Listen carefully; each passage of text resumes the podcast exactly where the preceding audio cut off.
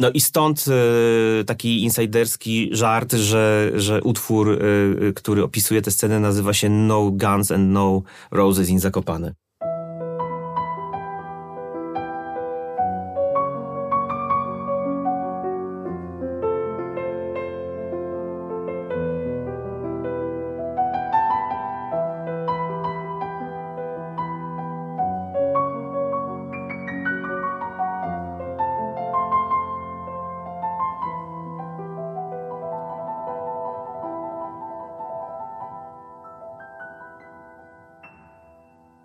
Witamy Was w 79. odcinku podcastu o muzyce filmowej Score and the City. Witamy, bo to jest odcinek w duecie, zaraz przedstawię gościa. Naszym hasłem takim wywoławczym tego odcinka będą Niebezpieczni Gentlemani. To jest nowy polski film i jednocześnie premiera tego styczniowego, przedostatniego weekendu. Debiut pełnometrażowy, fabularny Macieja Kawalskiego. Opowieść o ludziach, których znamy wszyscy, bo to są bardzo, bardzo znani i szanowani Polacy. Mm, Tadeusz Bojżeleński, Witkacy, Karol Szymanowski, do tego mamy jeszcze Bronisława Malinowskiego, do tego mamy jeszcze Józefa Konrada, ale, ale spotykamy ich w okolicznościach, no właśnie, dość szczególnych, ponieważ y, można by je tak zamknąć y, w takim zdaniu następnego dnia rano. Rzecz się dzieje w Zakopanym, jest kolorowo i naprawdę jest to szalona jazda. A ze mną dzisiaj jest kompozytor muzyki do tego filmu, Łukasz Tarkosz. Dzień dobry Magdo, dzień dobry Państwu. No jestem zaszczycony, słyszę, że, że podcast ma wielu fanów. Tym bardziej jest mi miło być, być, być gościem u Ciebie i u Państwa. Łukasz, no to zacznijmy od niebezpiecznych dżentelmenów. To jest taka historia, która, uwaga, mogłaby się przydarzyć, chociaż się nie przydarzyła. Jest y, fantazją, ale jest taką cudowną fantazją, która mm, no, rozbija lektury szkolne i sprawia, że litery same wyskakują z zeszytów. A ty zdradziłeś mi mm, przed naszą rozmową, że to był film, który przyniósł ci mnóstwo zabawy i że bardzo dobrze się przy tym filmie bawiłeś. To może na początek rozszerz trochę to. Przyznam się szczerze, że, że w czasach licealnych, kiedy już zaczynałem dość, dość poważnie grać, e, z wielką stratą dla mnie e, opuściłem e, dość dużo lekcji języka polskiego i to też spowodowało taki smutny i przykry fakt, że matura no, nie była na pięć. A w momencie, kiedy dostałem, dostałem propozycję napisania tego filmu, bardzo zagłębiłem się i w literaturę, i też takie um, zapisy e, tych wszystkich historii, które odbywały się e, w Zakopanem, gdzie bohema młodej Polski zjeżdżała się i wydawało mi się do tej pory, że to byli bardzo tacy, wiesz, grzeczni artyści, o ile artyści mogą być grzeczni.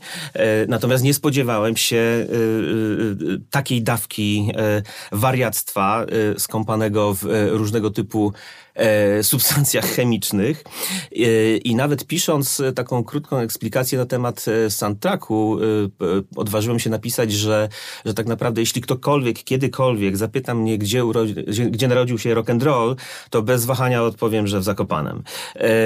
No to była fantastyczna przygoda pisać, pisać tę muzykę do takiego obrazu, z taką obsadą, w takiej reżyserii, mm, no i skąpanie się w tym szaleństwie y, i w tej nienudzie, y, no to było fantastyczne, fantastyczne doświadczenie. Ja rzeczywiście, y, no różnie to z filmami bywa. Czasami jest tak, że, że, że e, pisanie muzyki przychodzi e, dość łatwo. Czasami e, trzeba nasiąknąć tym materiałem filmowym, żeby znaleźć odpowiednie brzmienie, odpowiednie nuty, odpowiednie melodie. Natomiast w tym wypadku ja się dałem porwać temu e, szaleństwu Maćka Kawalskiego e, i aktorów, e, jakże przecież zacnych. No i zasaleć z tym, z tym wszystkim, niejednokrotnie bawiąc się cytatami, stylizując tę muzykę trochę na muzykę właśnie początka, początku wieku.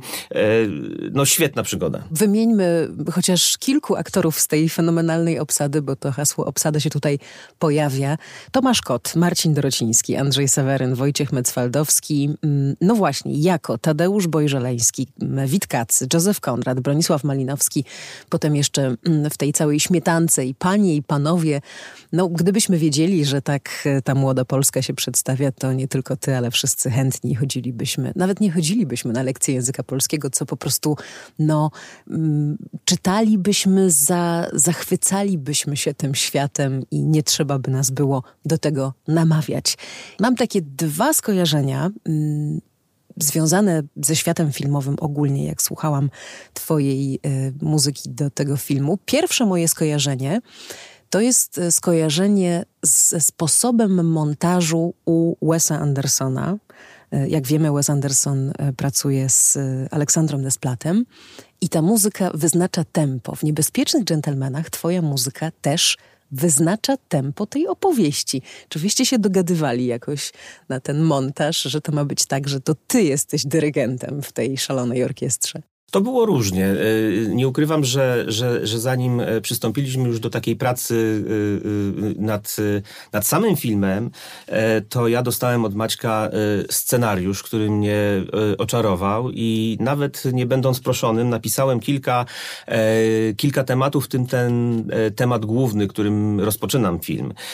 I rzeczywiście było tak, że ten temat został rozpisany potem w różnych wariacjach i w różnych, w różnych wersjach y, i Maciek tego używał na montażu. Mm, to zresztą chyba, tak jak zauważyłaś, widać, że, że niektóre sekwencje y, były montowane y, pod muzykę, która została napisana wcześniej i, i, i to jest takie moje kolejne doświadczenie po, po Brodpiku, że to jest świetna rzecz, że ja mogę zaproponować coś jeszcze zanim zobaczę um, ten scenariusz przefiltrowany przez e, operatora kamery, przez, e, przez reżysera Mm, bo czuję się wtedy bardziej spełniony i czuję się bardziej częścią tego procesu twórczego. Oczywiście w trakcie realizacji filmu potem ja wymieniałem część tych tematów po to, żeby było jeszcze bardziej atrakcyjnie, jeszcze bardziej ciekawie, ale to słuszna uwaga, że, że ta muzyka jest taką integralną częścią tej opowieści i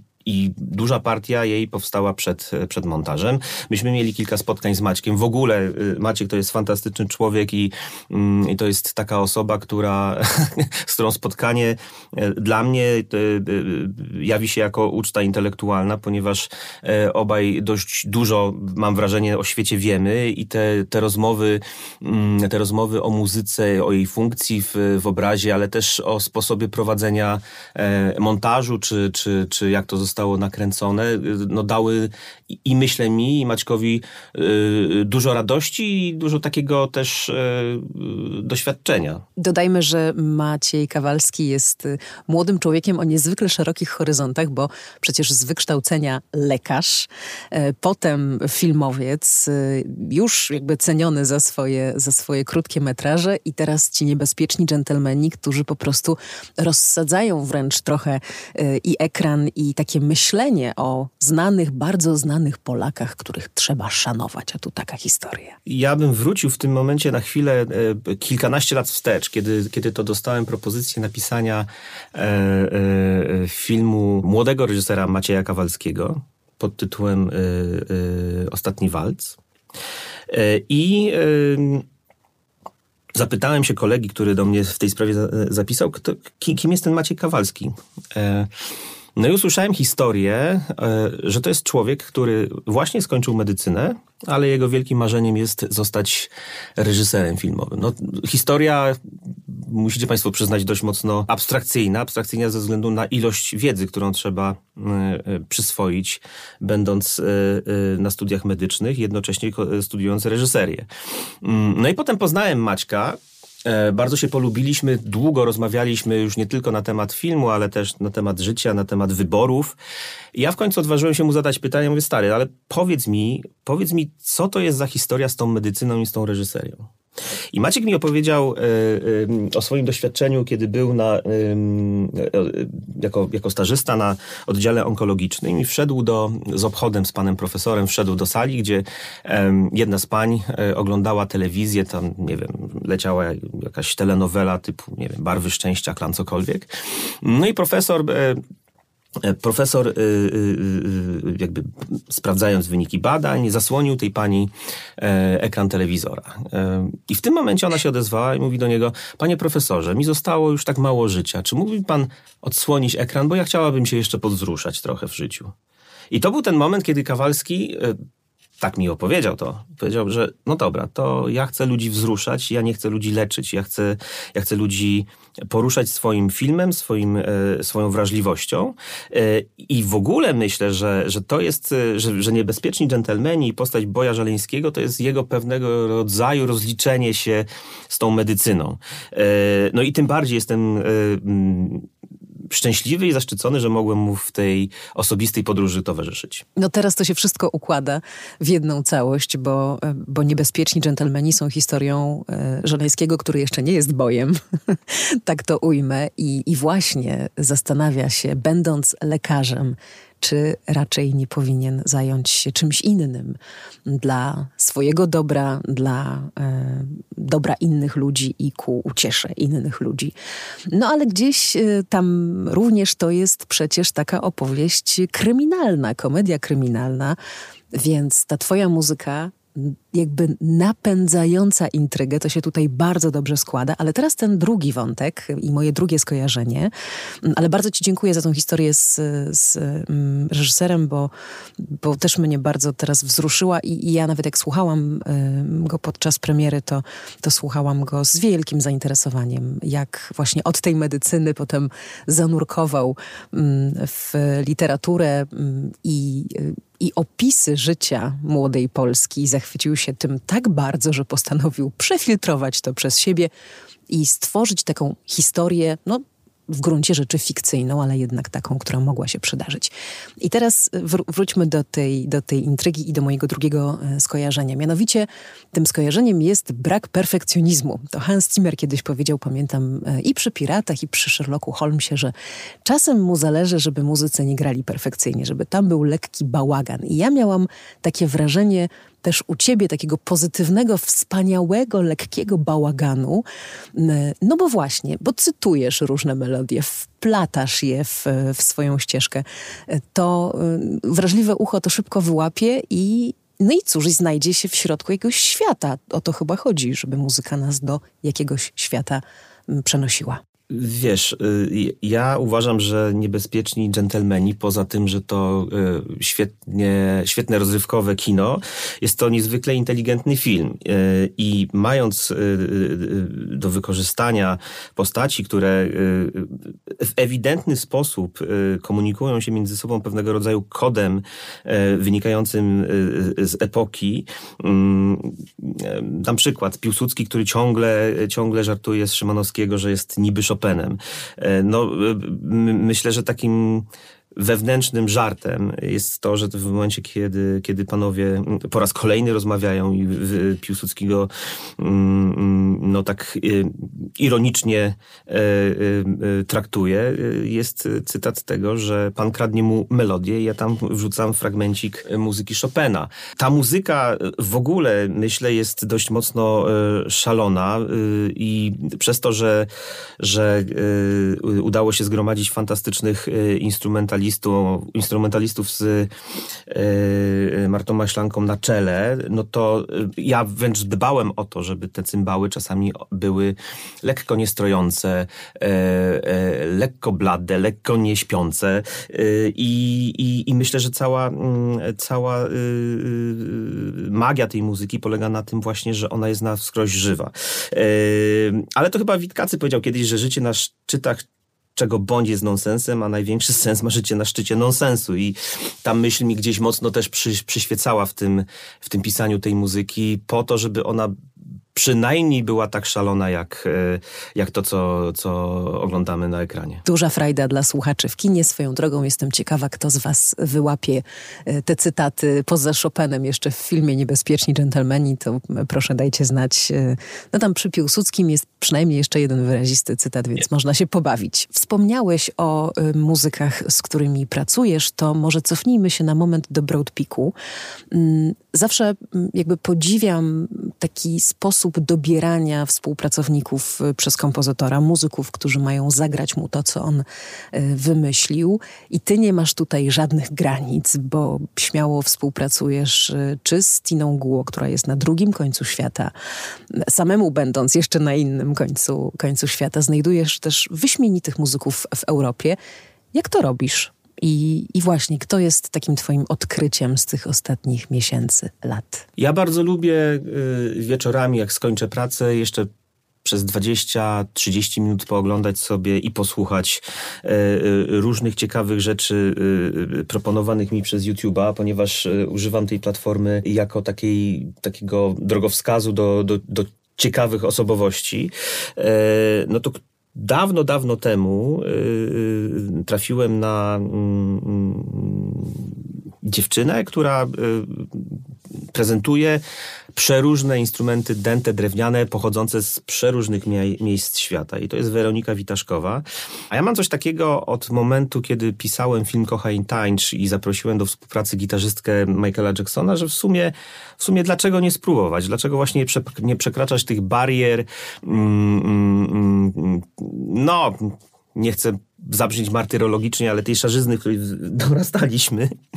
I, i czemu nie, nie, nie, nie iść e, krok dalej? No i stąd, stąd e, rozpoczęła, się, rozpoczęła się ta przygoda od Jennifer Batten, e, z którą nagraliśmy gitar, gitarową bitwę w filmie Kocha i Tańcz.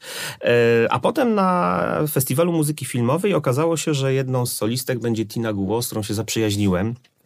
E, no i utrzymujemy kontakt do dzisiaj. E, jak tylko mam możliwość, to, to zapraszam ją do, do swoich projektów.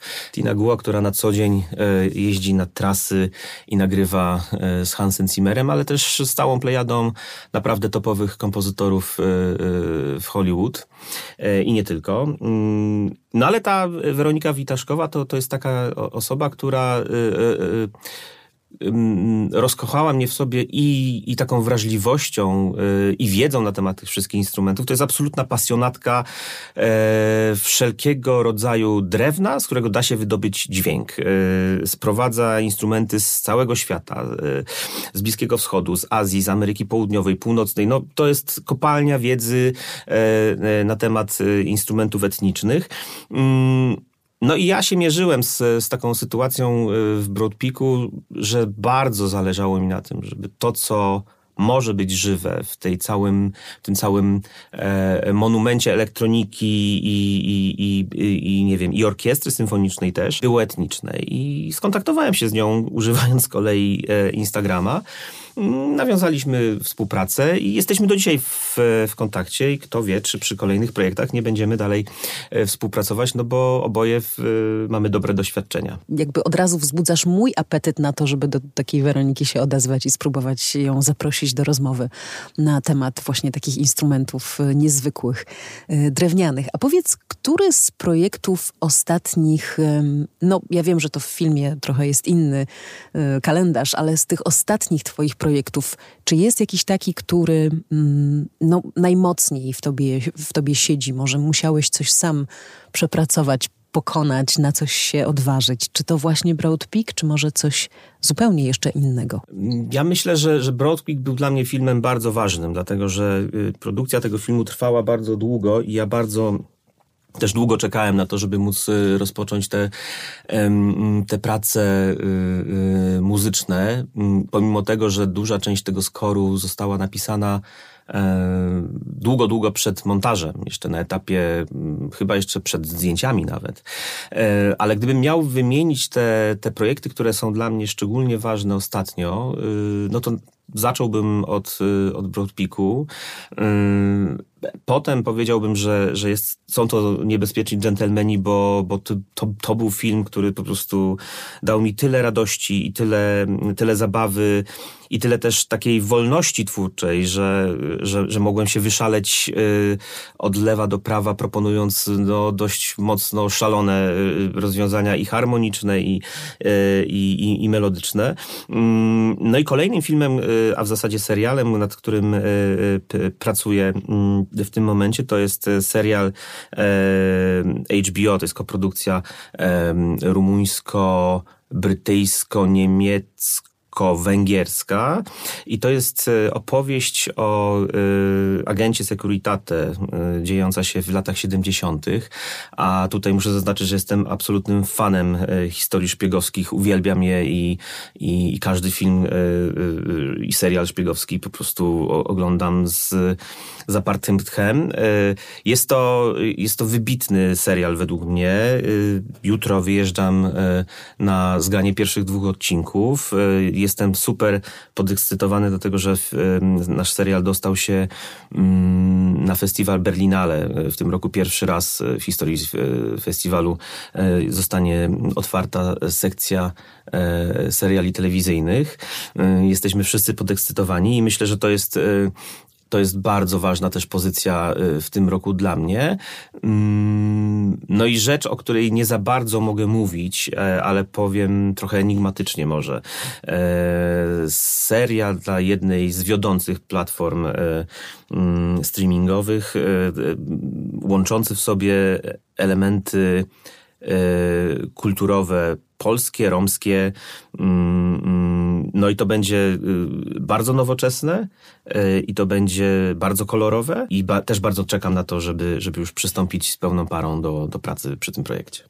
Tego jest naprawdę bardzo dużo. Przechodzisz od jednego formatu do drugiego, z jednego gatunku w drugi. Jak ty łapiesz oddech w tym wszystkim, bo pewnie nie ma tu przystojów żadnych. Wiesz, jak wiele razy mówiłem, że, że moje podejście do, do pracy muzyki, boże, kompozytora, czy muzyka, kompozytora e, muzyki filmowej, muzyka, to jest, e, to jest e, ciągła jednak zabawa. Jeśli żyjesz w zgodzie ze swoją pasją, to to w zasadzie no, zdarzają się momenty, kiedy człowiek jest y, zmęczony, wyczerpany, e, ale większość tego czasu to jest, y, to jest y, fantastyczna zabawa i odpoczynek.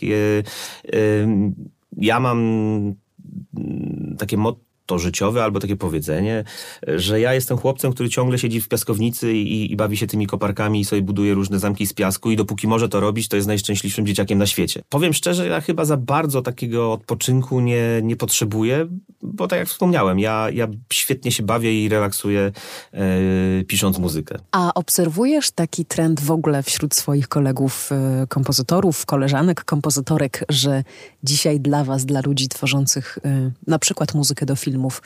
Świat jest no, malutki, bo możecie i pracować ze sobą, będąc na dwóch końcach tego świata przeciwległych, mm, i możecie pracować dla kogoś, kto jest w Los Angeles, a ty jesteś w Warszawie, albo odwrotnie.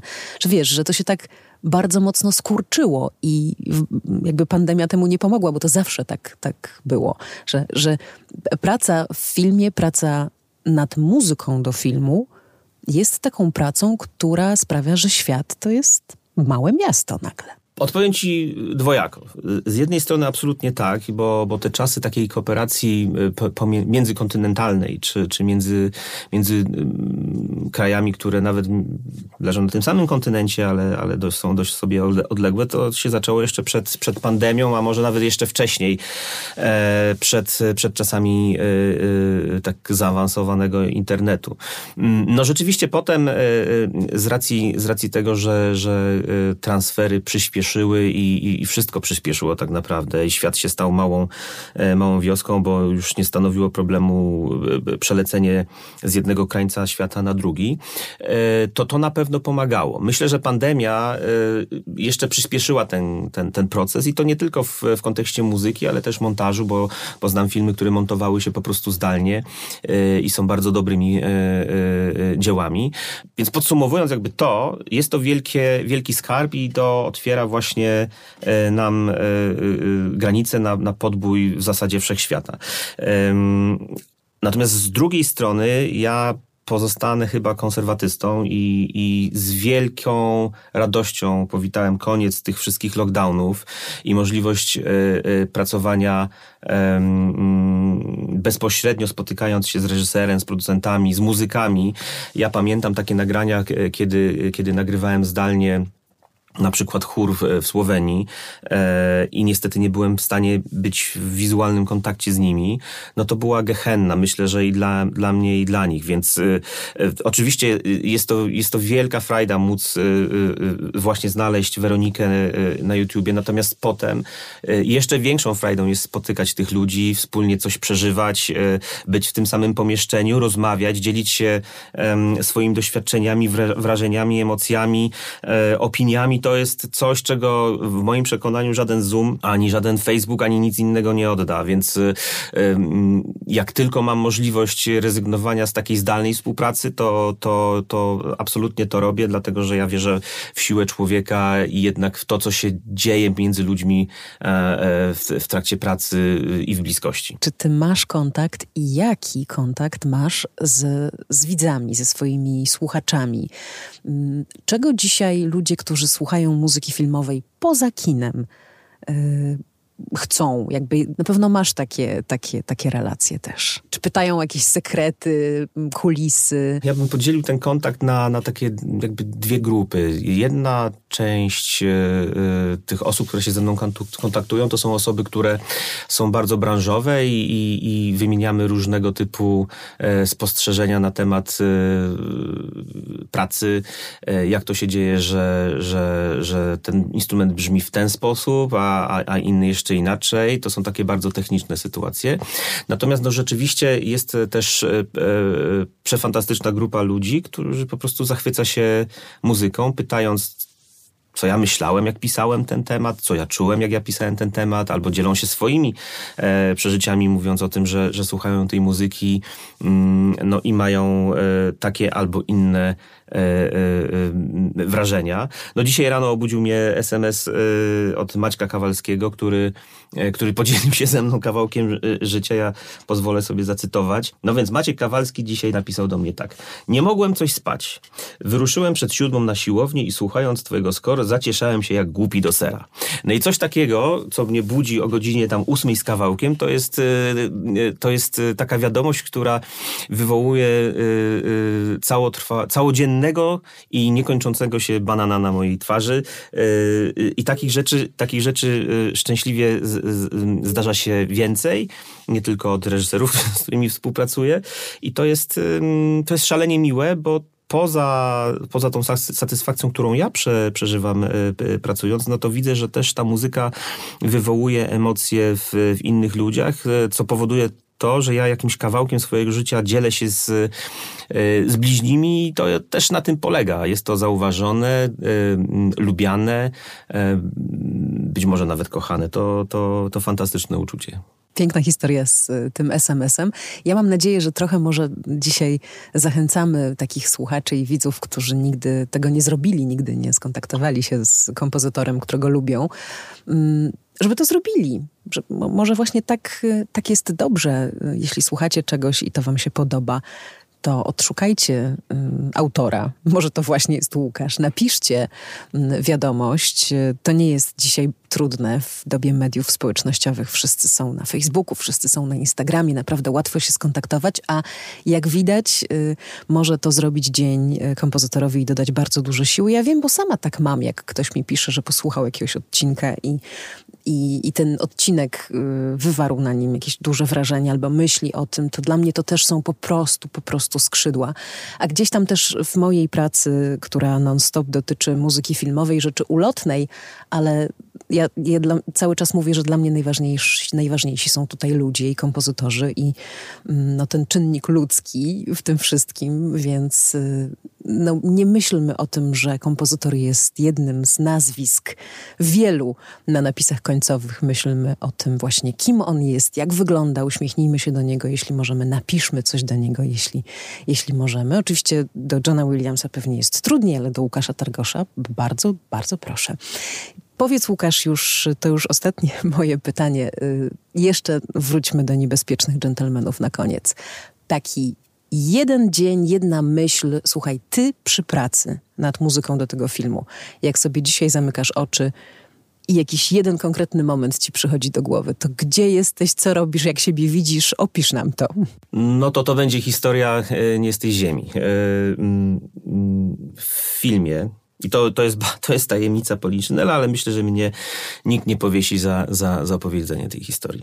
E, w, w jednej z ostatnich e, scen filmu odgrywa się dość duża strzelanina w zamkniętym pomieszczeniu. E, I ja pisząc ten score, mm, chciałem odważyć się na coś jeszcze bardziej szalonego.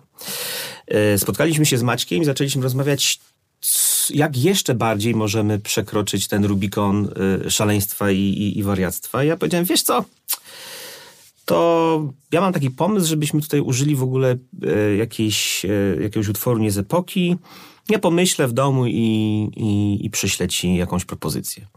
E, myślę, że nie od dziś wiadomo, że jestem e, wielkim fanem Guns N' Roses i, e, i w sumie gdyby nie ten zespół, to prawdopodobnie zostałbym lekarzem, ale szczęśliwie wyszła płyta Appetite for Destruction i z mojej medycyny zrobił się Destruction. Natomiast ja podłożyłem pod scenę tejże strzelaniny piosenkę Welcome to the Jungle. E, I uwierzcie mi Państwo, jak, jak ja to obejrzałem po pierwszym przyłożeniu, to stwierdziłem, że to jest w ogóle z tego miejsca. Wysłałem to Maćkowi. No, Maciek miał tam jakieś obiekcje, ale stwierdził, że to jest e, warte zachodu i myśmy myśmy skontaktowali się z managementem Gansów, e, próbując pozyskać prawa do tego e, utworu. Niestety panowie byli w trasie w, w Japonii, a czas nas naglił, nie mieliśmy już możliwości czekać, aż wrócą i podejmą stosowne decyzje, więc któregoś dnia reżyser mówi, słuchaj Targosz, no mm, niestety tych Gansów nie będzie. Mm, sekwencja trwa 4 minuty, my jesteśmy dwa dni przed nagraniami, no to nie mogła być nie nie wiem, liryczna y, melodia y, na fortepian y, i harfę. No, w związku z czym to był taki moment, jak mnie pytasz, jak ja wyglądałem, to wyglądałem jak pies Huckleberry, który dostał kilka razy pałą po głowie, bo nie wiedziałem w ogóle za co się brać. Tutaj, wiesz, przygotowują się nuty dla orkiestry, tutaj przygotowujemy sesję, żeby, żeby, żeby tę orkiestrę nagrać. Jest mnóstwo pracy. Ja już cały zadowolony, że, że, że wszystko się udało. I to był taki moment, kiedy, kiedy ja powiedziałem, no dobra, no to chyba się muszę rozliczyć z Gansami, bo, bo tak y, historia y, mojego życia mówi. Mm, no i na, napisałem, podszedłem do tego bardzo nieśmiało na początku i napisałem y, tam, nie wiem, około półtorej minuty muzyki wysłałem Kawalskiemu i Kawalski stwierdził, że to jest w ogóle genialne, że to jest 100 razy lepsze niż te, niż te gansy, które, y, które chcieliśmy tam e, e, wsadzać, co też dało mi takiego paliwa. No dobra, no to idziemy za ciosem, czyli już bawimy się totalnie w szaleństwo. I to był chyba najbardziej taki szalony i najbardziej niesamowity mm, moment w tej produkcji, bo to mi trochę przypomina taką, taką historię, którą, um, którą znam z, z opowieści o Titaniku. Tam w, w momencie, kiedy już jechali, jechali, do studia, to, to były dopisywane nuty, bo coś się jeszcze nie zgadzało. No ja rzeczywiście y, y, mm, wysłałem y, ten utwór Maćkowi gotowy w zasadzie dzień, wieczorem dzień przed nagraniami, więc jeszcze przed noc przygotow przygotowywaliśmy nuty. E, no i stąd taki insiderski żart, że że utwór, y, y, który opisuje tę scenę nazywa się No Guns and No Roses in Zakopane. I to, był, to, była, to było coś, co, co, co y, to, to, to był taki płot, albo nie wiem, przeszkoda, którą myślałem, że, że, że ciężko będzie przeskoczyć, a okazało się, że znowu przez to szaleństwo, przez energię, która była w tej produkcji, bo to też jest poza Maćkiem i Agnieszka Dziedzic, i Tomek Morawski, producenci, i Kamil Skałkowski, który nadzorował produkcję, i cała plejada ludzi, którzy po prostu wierzyli wierzyła tak bardzo mocno w to, że nam się to wszystko uda, no, że się udało. E, a ja z kolei mam taką historię do opowiadania właśnie, że, że um, udało się mi w końcu być po latach tak jak Slash, Axel, albo przynajmniej na równi. Szkoda, że nie znałam tej historii wcześniej, bo ten odcinek nosiłby tytuł No Guns and No Roses in Zakopane. A tak to, no ale mamy ją jako, jako puentę. Y, słuchaj, cudnie. Łukasz Targosz, y, kompozytor wciąż bardzo zapracowany, mm, miłośnik, y, eks-miłośnik Guns N' Roses i człowiek, dla którego świat to za mało. Bardzo Ci dziękuję za to spotkanie. No i mam nadzieję, że zachęciliśmy, żeby, żeby usłyszeć niebezpiecznych dżentelmenów, bo oni właśnie teraz szturmują polskie kina. Dziękuję serdecznie i zapraszam do kin oraz na Spotify i inne platformy do słuchania tejże muzyki.